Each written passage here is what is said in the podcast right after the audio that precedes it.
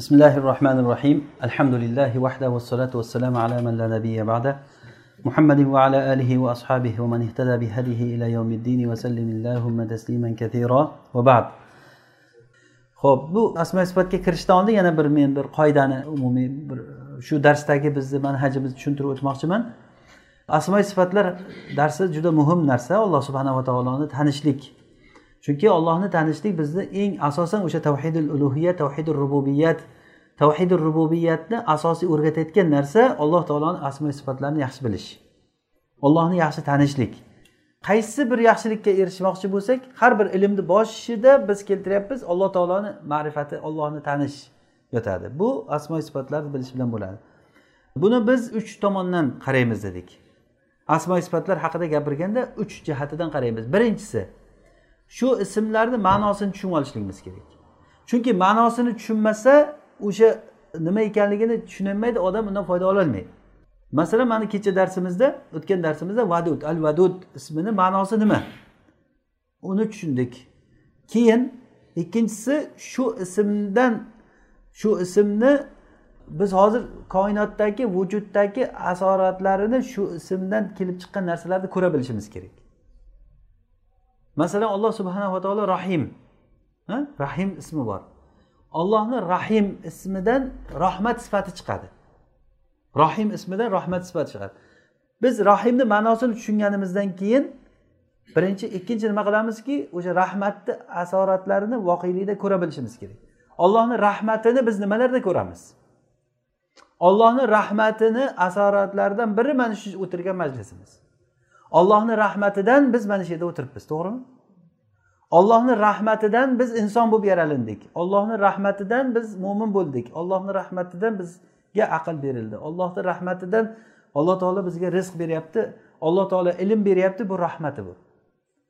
Mana shu majlis ilm majlisi ollohni rahmati bu.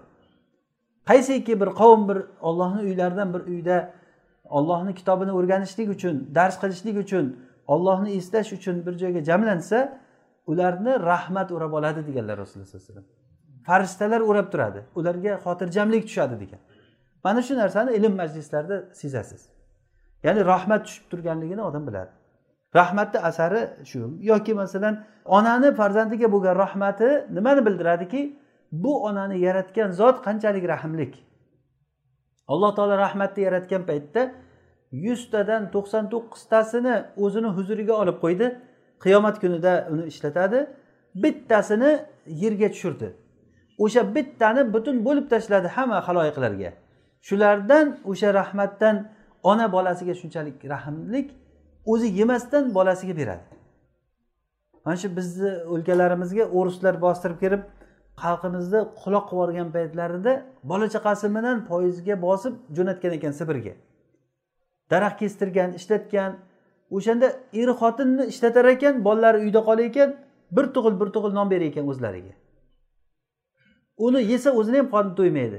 Uyda bolalarim bor desa uni biz bilmaymiz ekan mana shu bir tug'il bir tug'il nonni o'zlari yemay ozrog'ini yeb turib qolganini bolalariga olib kelib yedirib o'sha foizda ketgan odamlardan necha ming odamdan bitta ikkita odam qaytib kelgan.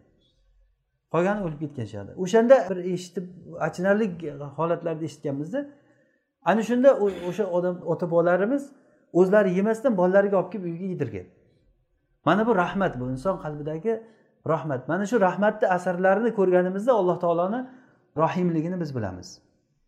Uchinchisi qanday qilib turib shu ism bilan ollohga ibodat qilamiz? Bu muhim. O'shanga yetish uchun bu ikkita narsani biz bilishimiz kerak.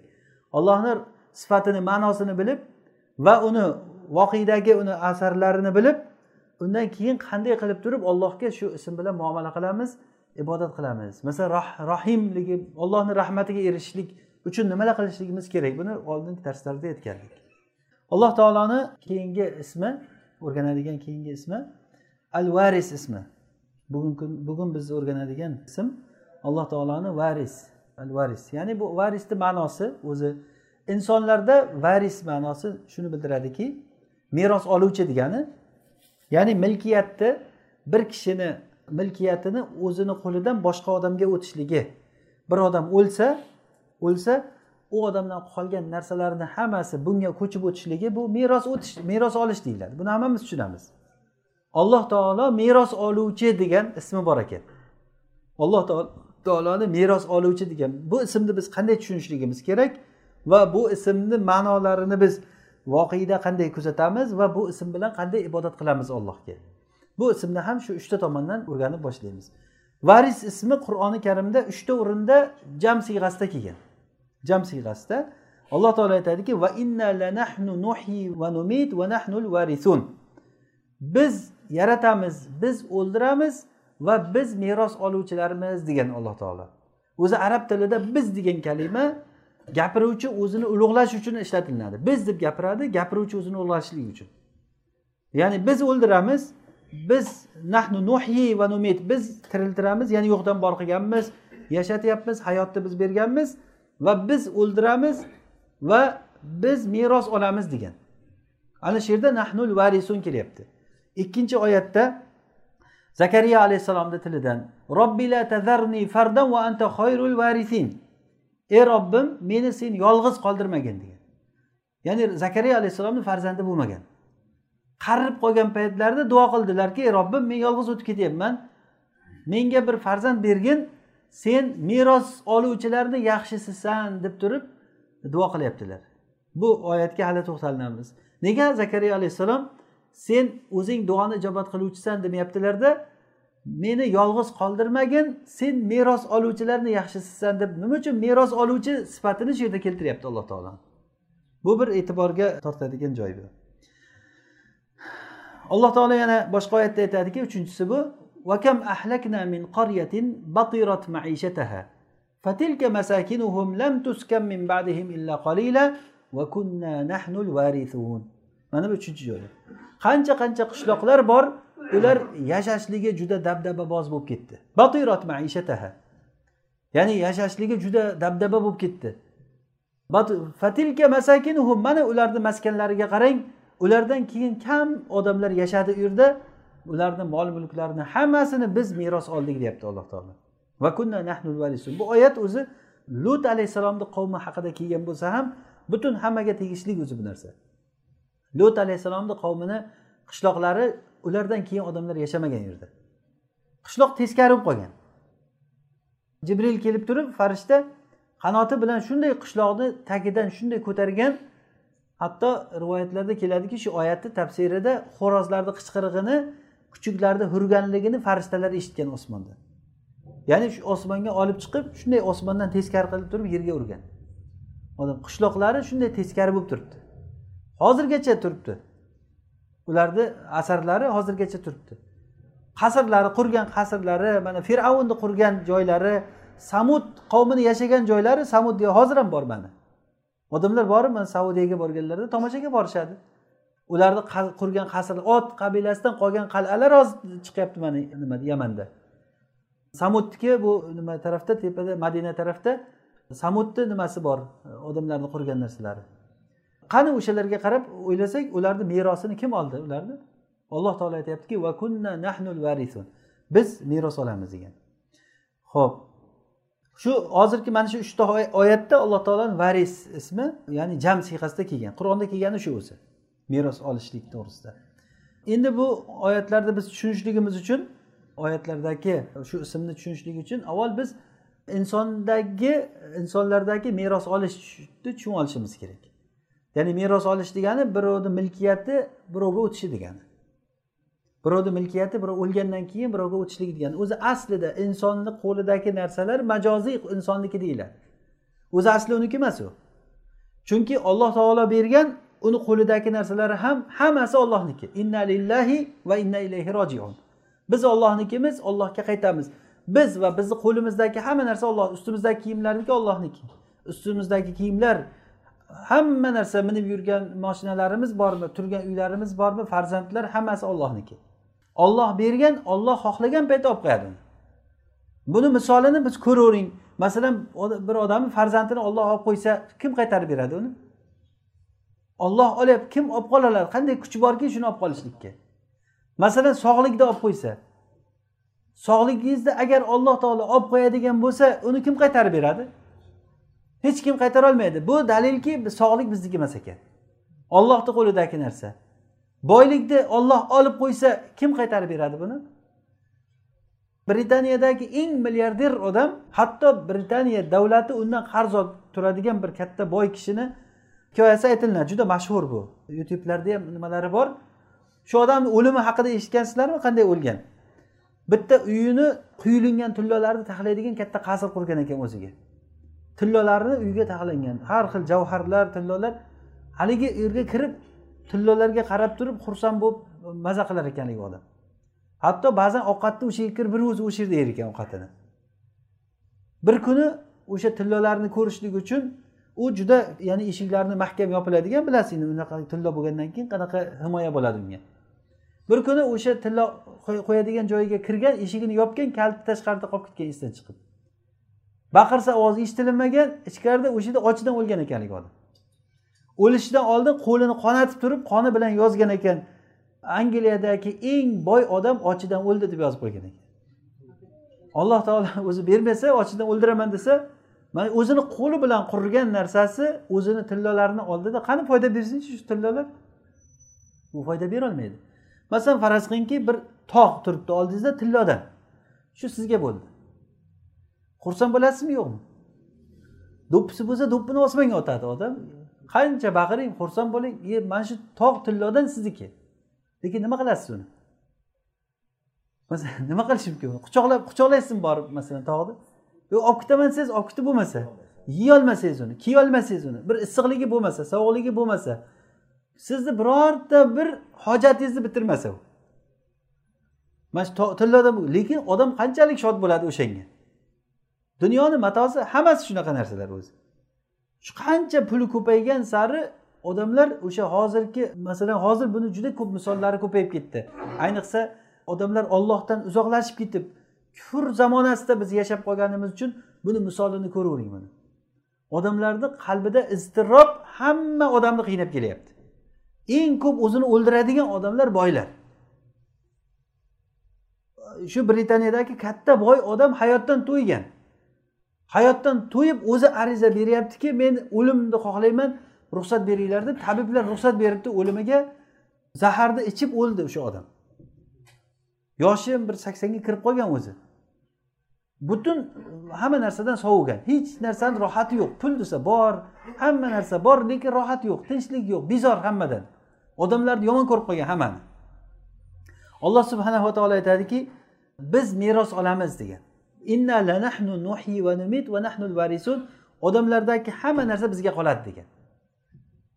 Nikolayni tillolari masalan o'sha nikolay tillosi deymiz. Nikolay paytida yasalgan tillolar. Uni yasagan odamlar o'sha paytdagi yiqqan odamlar nima bo'ldi hozir? Tillo tilloligicha turibdi. U odamlar ketdi u tillo kimnidir qo'lida. Agar vaqtni tezlashtirsa bu narsani yana ham bizga tushunarli bo'ladi. Vaqtni tezlashtirib bir tepadan qarab turing. Tillo yasalinyapti kimgadir o'tyapti o'sha tilloni kim odamlar urushib janjallashib yig'ib kimdir yashirib olib kelib bir joyga ko'madi tilloni ko'mib ko'mib joyini ham aytishga ulgurmay o'lib ketib qoladi. Joyini ham aytishlikka bir ustozimiz aytadi ko'zimiz bilan ko'rgan narsa bir odam katta bir boy odam. Misrda bir katta bir boy odam o'lgan ozroqdan keyin farzandini odamlar ko'rgan ekan bir joyga qayerga ketyapsan desa otamni o'lganligi uchun aroq ichgani ketyapman deydi. O'shani merosini shu o'g'li olgan. Merosni shu olgan.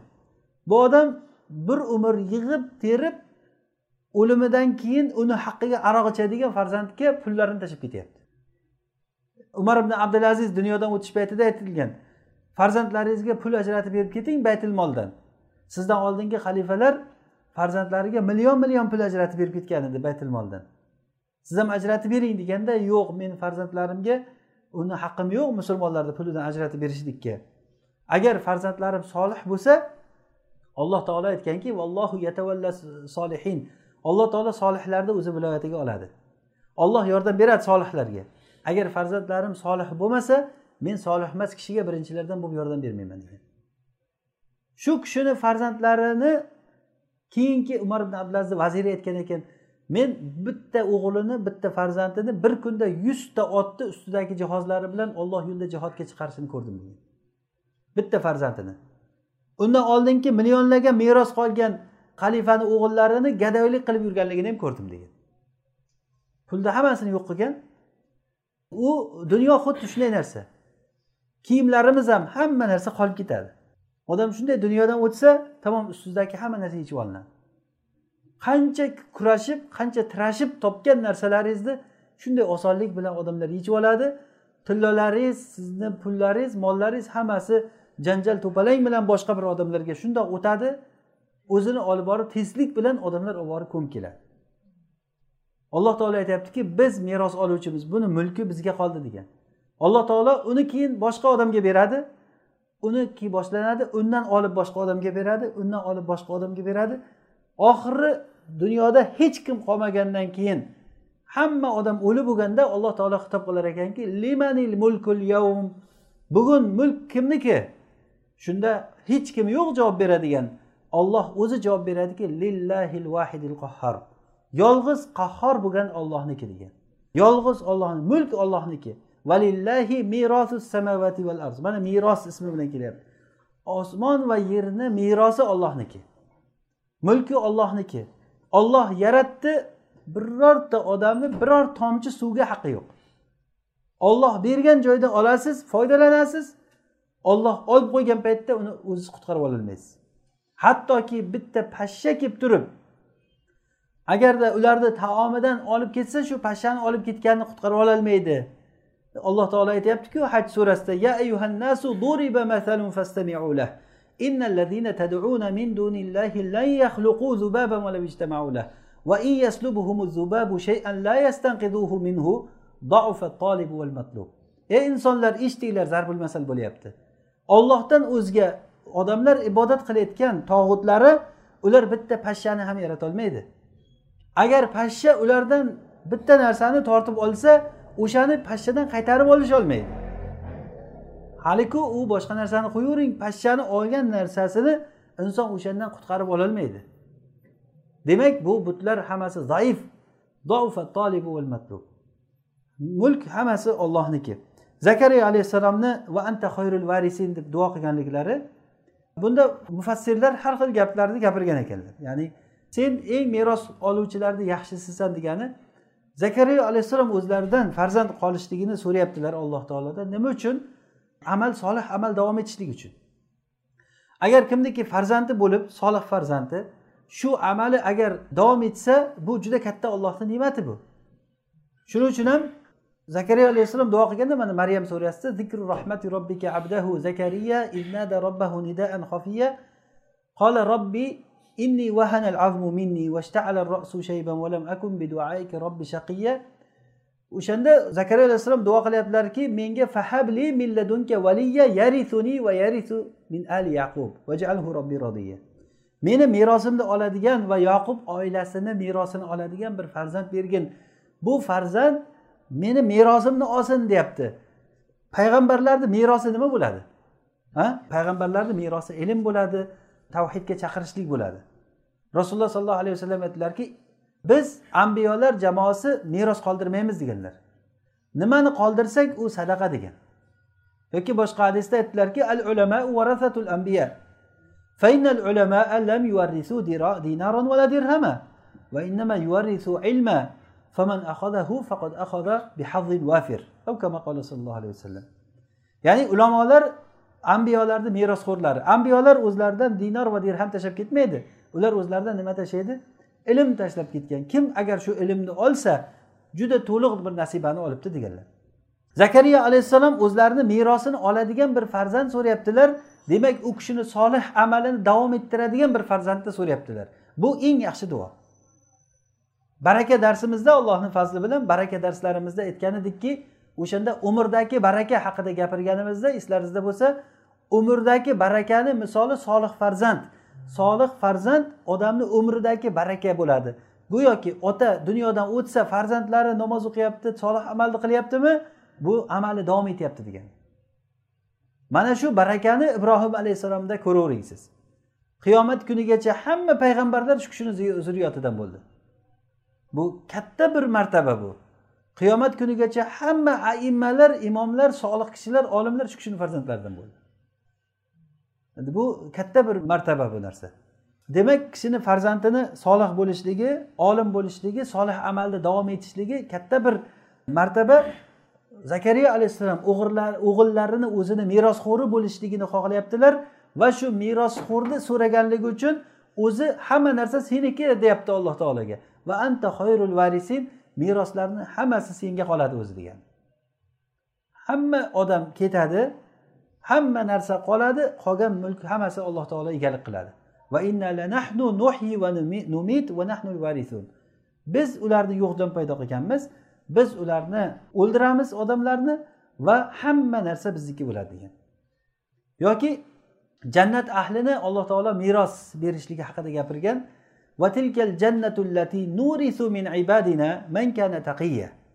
alloh taolo aytadiki biz jannat ahlidan taqvodor bo'lganlarni biz mana shu jannatni ularga meros qilib beramiz. Nega meros deyapti alloh taolo? Buni meros deganligi alloh taolo jannatni hamma uchun yaratgan ekan. Har bitta yaratilingan odamni jannatda joyi bor. Kofir bo'lsa ham musulmon bo'lsa ham. Kofirlarni ham jannatda uylari bor joylari bor. Lekin kofir bo'lganligi uchun jannatdagi joyi mo'minga olib berilar ekan. Va butun yaratilingan odamlarni do'zaxda joyi bor. Mo'minni ham kofirni ham. Mo'min kishilar jannatga kirsa o'sha joylari kofirlarga beriladi ya'ni alloh taolo aytar ekanki jannatdagi kofirlarni joylarini o'zini joylariga odamlar kirib bo'lgandan keyin hatto odamni joyini shunchalik darajada odam taniydiki mana hidoyat alloh taoloni hadiy ismida aytgan edik buni. Hidoyatni to'rt xil bo'ladi. Shu to'rtinchisi jannat ahli jannatga kirgan paytda o'zini ahlini o'zini joyini tanishligi hidoyat topishligi. Shunday odam jannatga kirgan paytda xuddi hozir masalan hamma uyiga ketgan paytda adashmay uyga qarab ketadiku hamma. Sizlar o'zlaringni ahllaringni topib borgandan ko'ra jannatda joylaringni tezroq topib borasizlar dedilar rasululloh.